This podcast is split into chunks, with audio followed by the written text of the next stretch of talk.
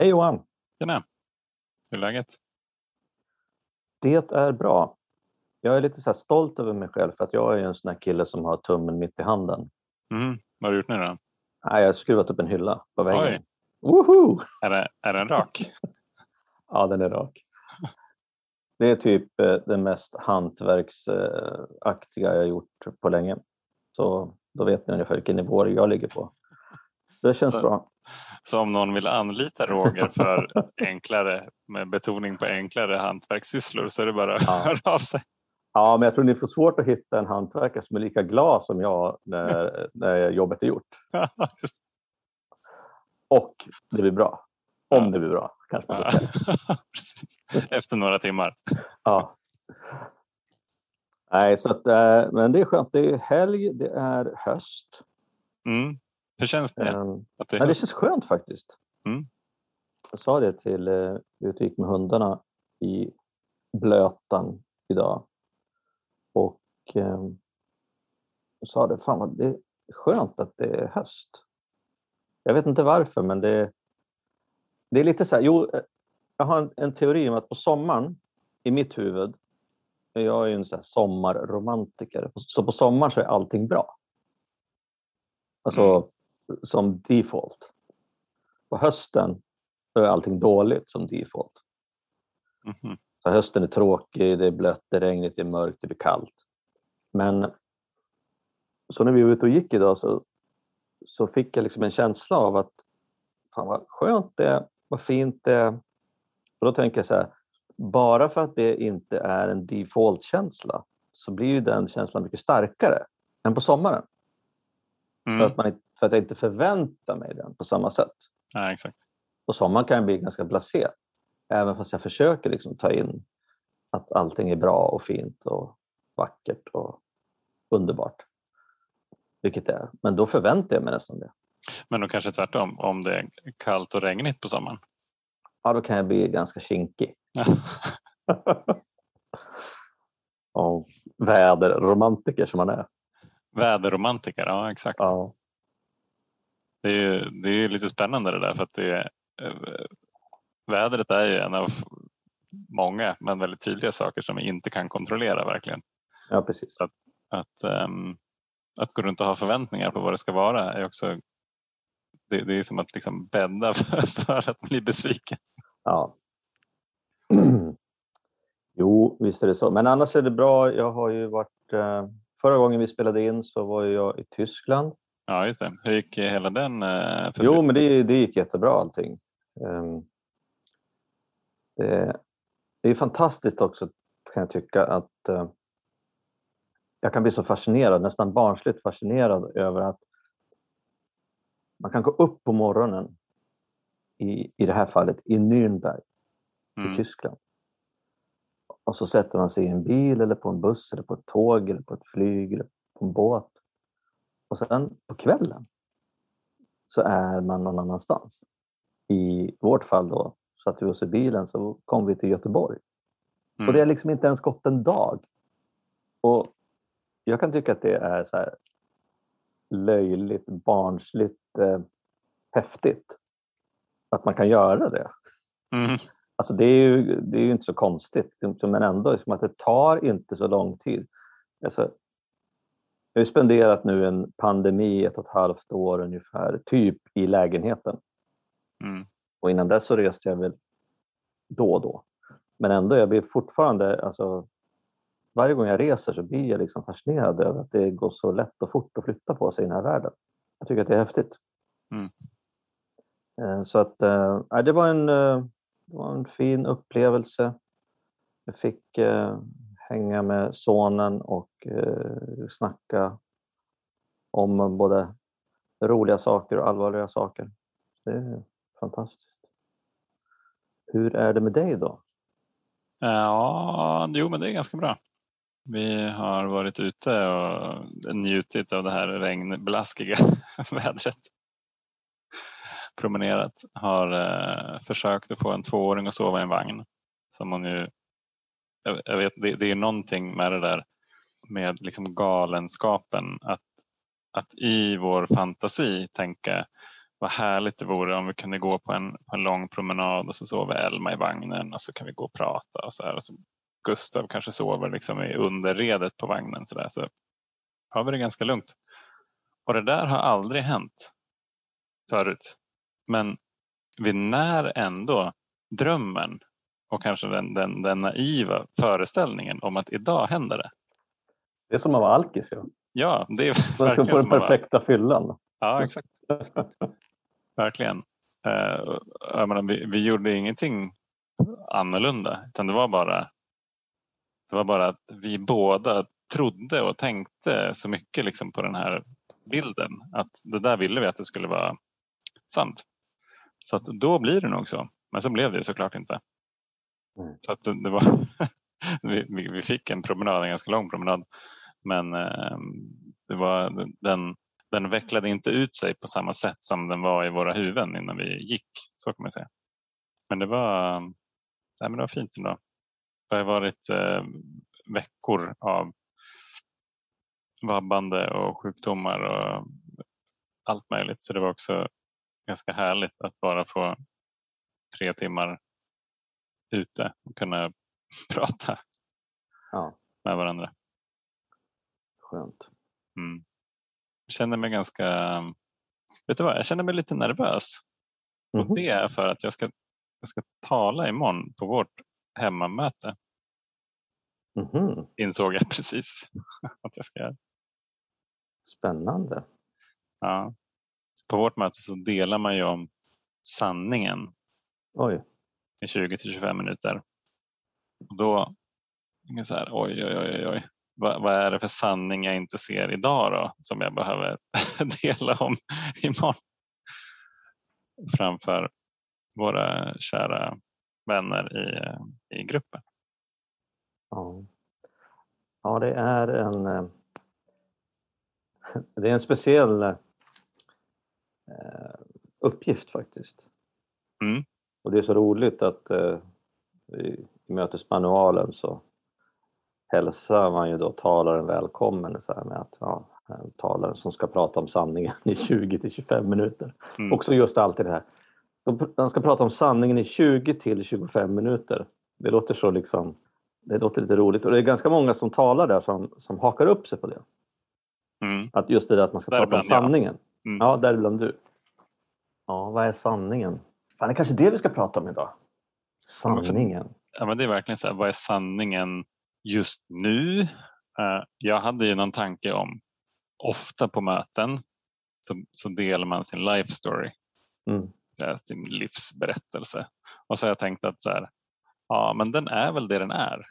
Att när man väl man, man, när man blir nykter då får man möjlighet att se med så att säga, nyktra ögon på hur det var.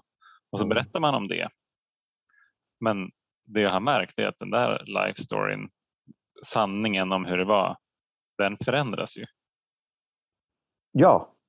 Så att det, det är inte så att den är statisk. Vissa saker, vissa vet jag, datum då saker och ting hände och så vidare. Bla, bla, bla. Alltså det kan det vara, men jag kan ju förstå mer om så här, varför, jag kan komma på nya saker, nya kopplingar, saker som jag inte har fattat. Jag, menar, jag antar att min, min life story, hur, hur kom det sig att jag blev den jag blev idag? Den kommer ju ändras massvis med gånger längs vägen. Mm. Så det är det här... intressant att det är, så här, det är ett utforskande. Ja, precis. Jag har ju varit inne på det där både i podden men också redan snackat med med vänner och sådär att just alltså sanningen för mig i början när jag, när jag, när jag blev nykter eh, den, alltså om jag tittar tillbaka så ser jag att liksom, den var ju väldigt i början så var det ju, det var ju väldigt litet att vara nykter. Alltså, det kretsade kring att inte dricka. Mm. Det var liksom det som var sanningen då att okej, okay, jag får inte dricka, jag ska inte dricka, jag kan inte dricka, jag måste se till att inte dricka. Hur gör jag det? Vad gör jag då? Och hur kan jag låta bli liksom, att inte dricka? Det var ju liksom den sanningen som jag levde i då.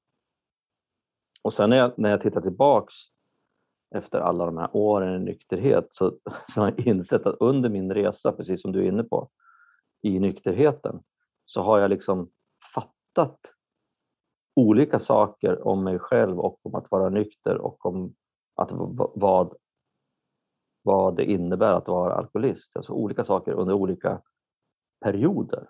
Alltså ju, ju mer jag har, ju längre jag varit nykter och ju mer jag har varit i det här, i programmet och i gemenskapen och i de här samtalen som du och jag har, desto mer inser jag att jag visste ju så lite i början.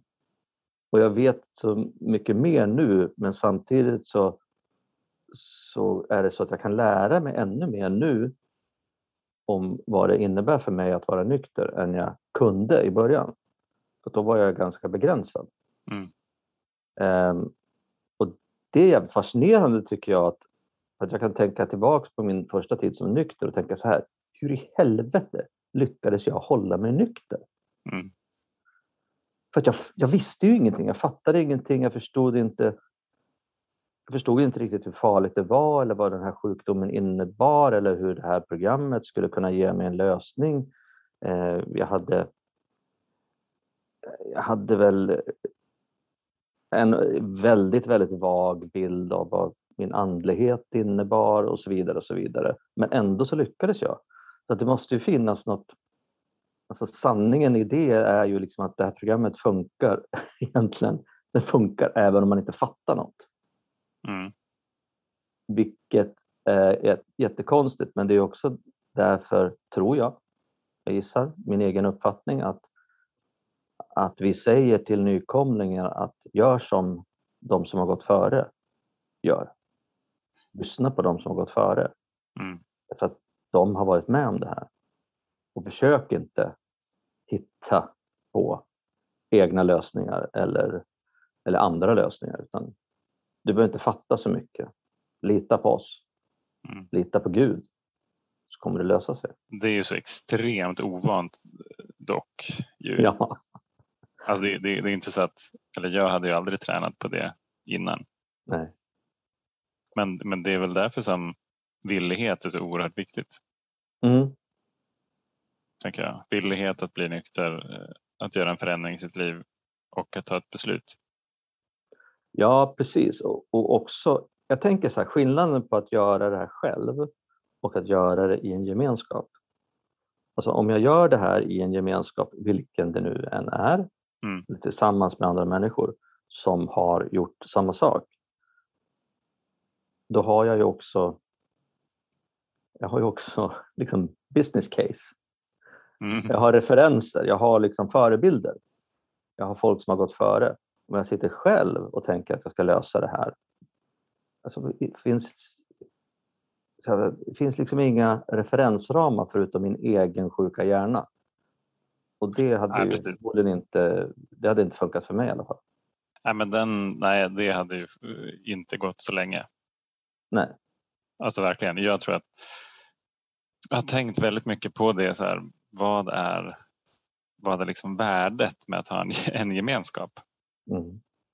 Och jag tror att förebilder är en så extremt central del av det.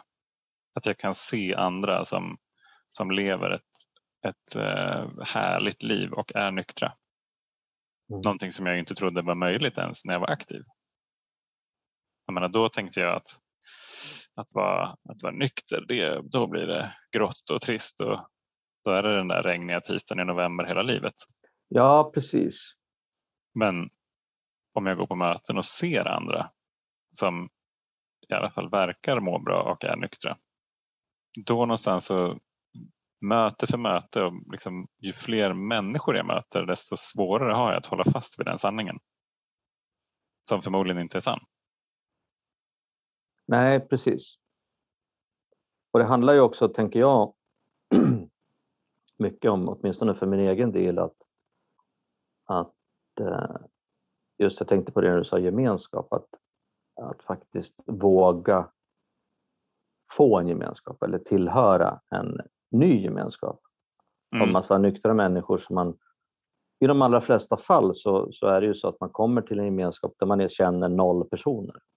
Alla är okända, man kan gilla dem eller tycka illa om dem, de kan vara lika mig eller väldigt olika mig men för mig handlar det väldigt mycket om att byta, ja ganska mycket byta, byta gemenskap till att få nya vänner.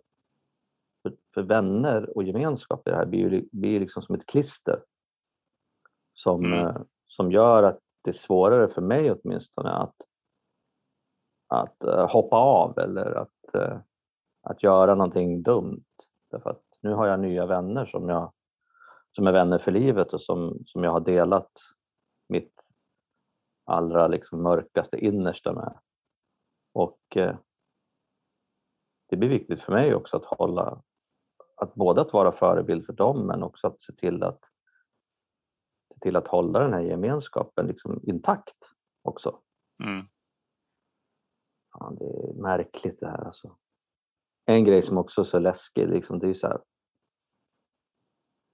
Och jag tror att vi, vi pratade om det här för inte så länge sedan, men just den där att, att sanningen skiftar ifrån min aktiva tid till min nyktra tid. Och det kan gå väldigt fort.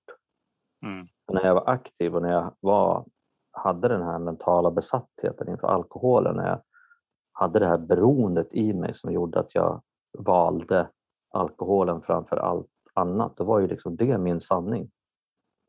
Och sen en dag senare eller kanske en vecka senare, då har jag en ny sanning.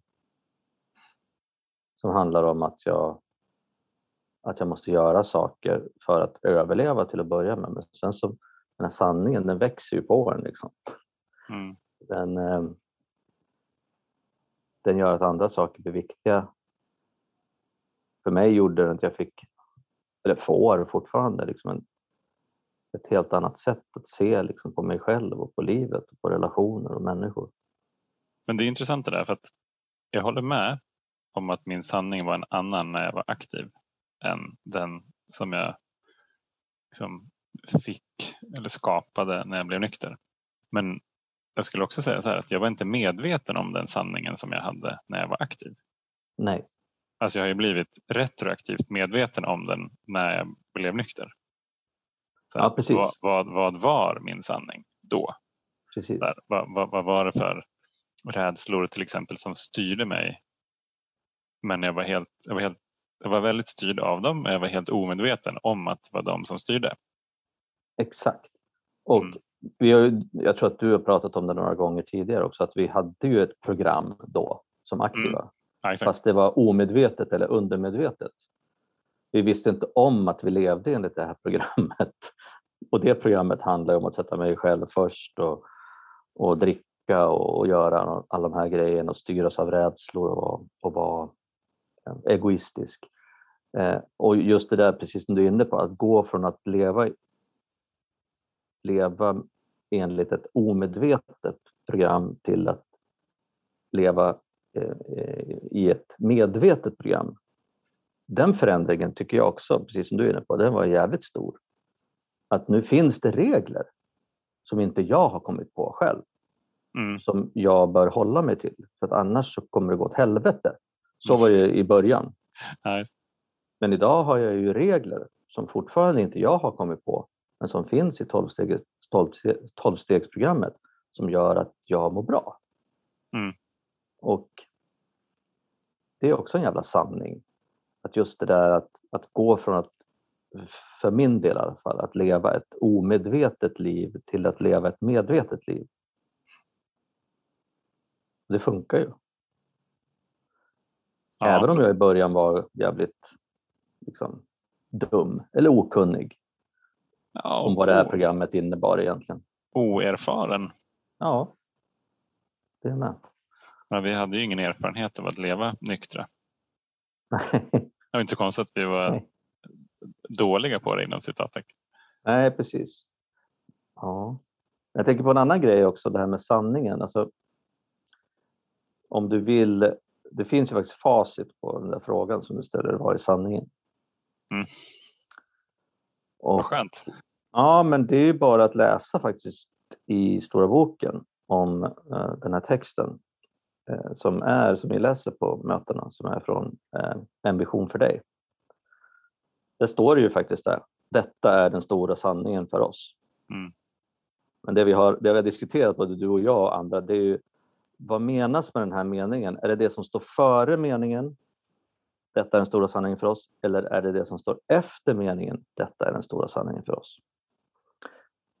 Det är inte så stor skillnad på texterna, men, men eh, och jag tänker att, att jag tror att sanningen, för mig så är sanningen så här att eh, det finns en lösning och den fungerar om du vill ha den och om du gör det som du blir tillsagd att göra.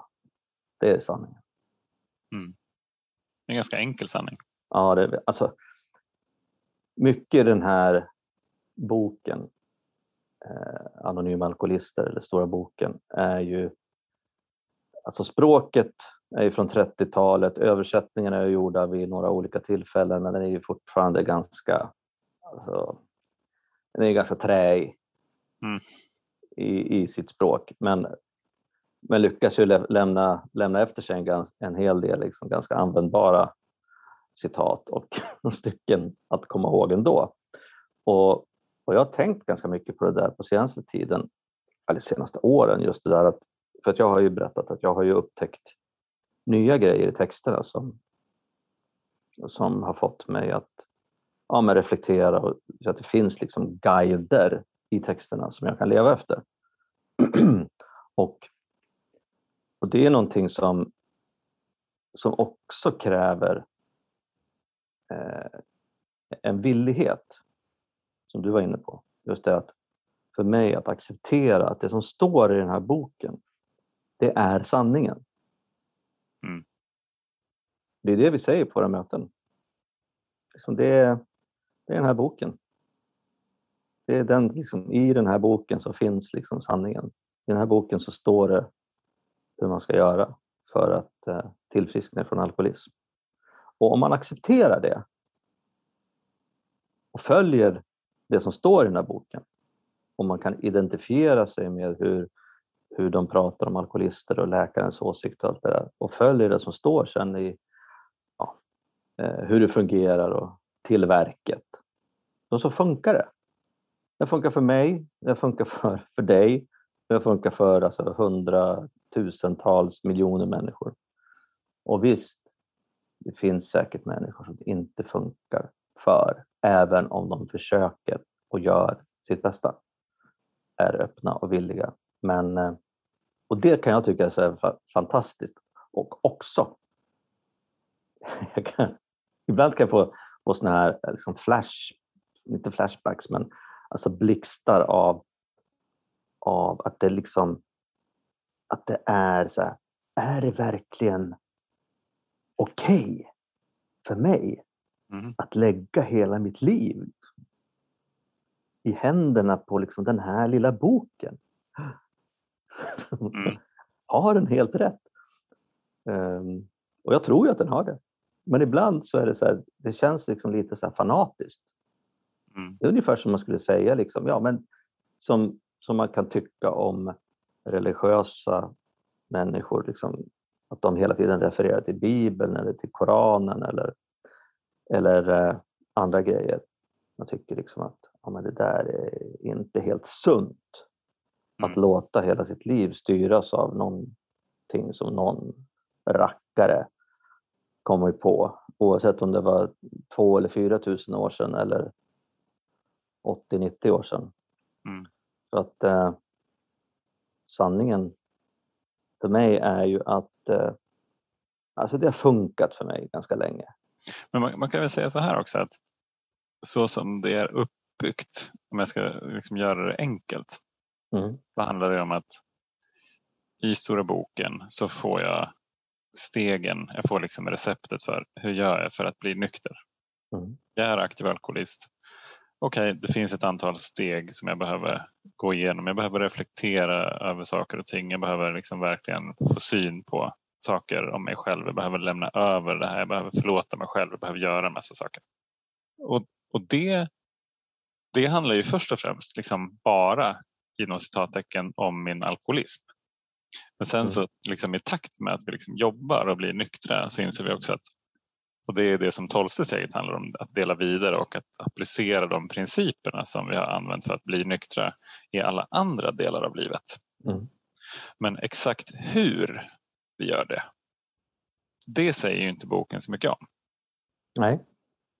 Utan då är det ju så här, okej, okay, på det sättet som jag förstår den här processen, på det sättet som jag har förstått de här andliga principerna, så ska jag också använda det i, i alla mina angelägenheter. Till exempel i min relation eh, hemma med Josefina och Elma och på jobbet med mina kollegor och till mina kunder och till mina vänner och så här.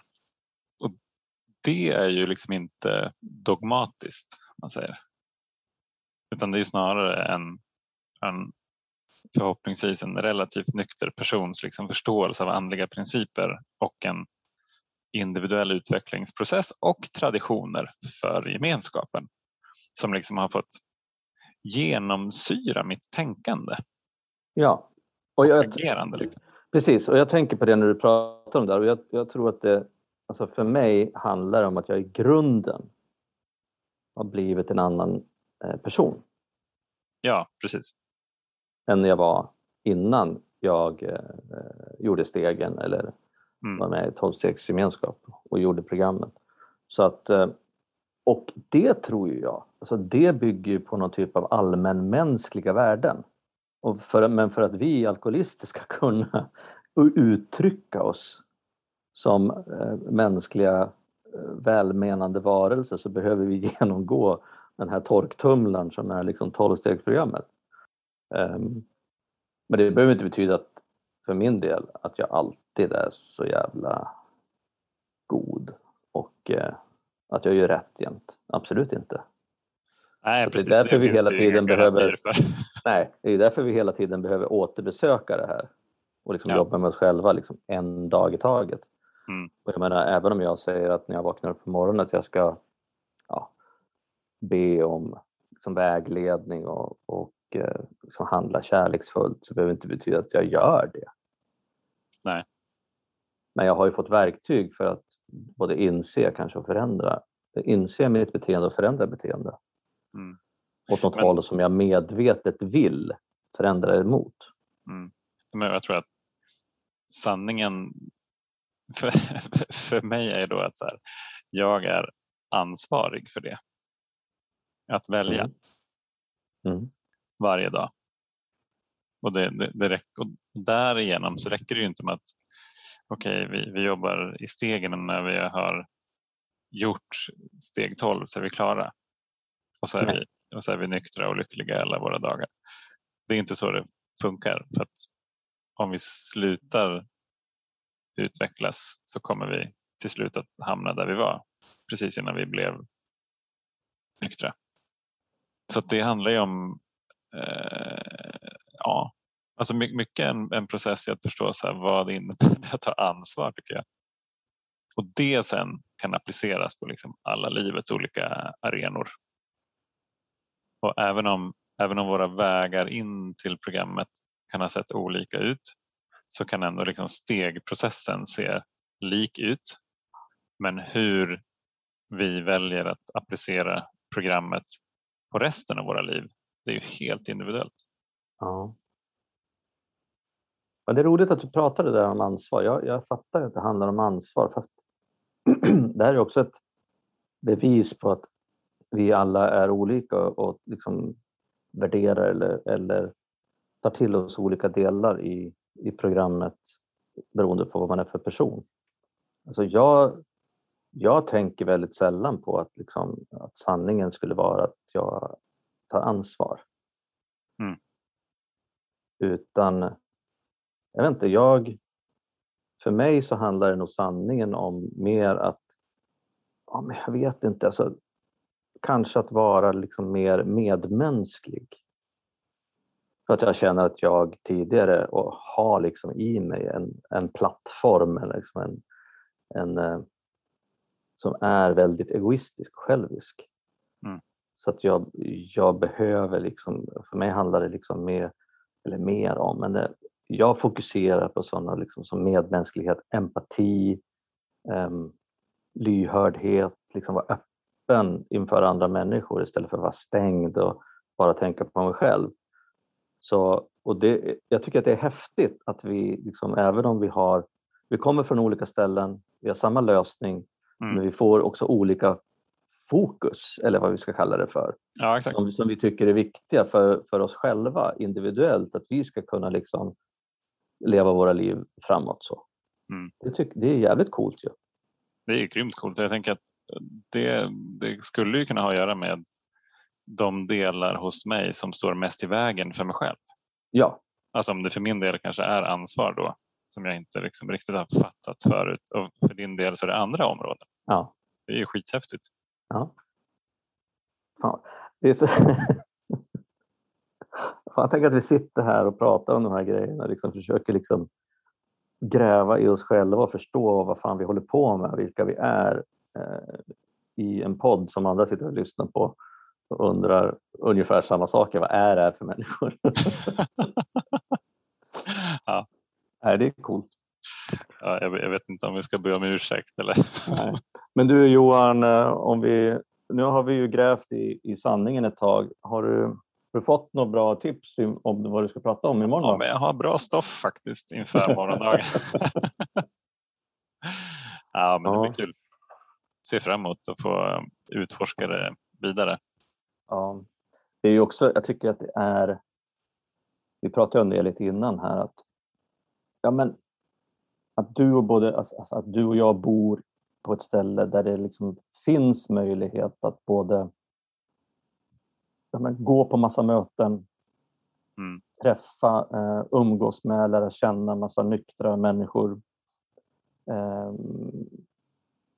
ha en podd tillsammans, prata telefon med människor. Alltså att vi har hela det här nätverket av människor i olika sammanhang som, som kan hjälpa oss, alltså som, som vi kan använda oss av. Alltså inte utnyttja, men att vi har liksom det här nätverket, det är helt sjukt ju.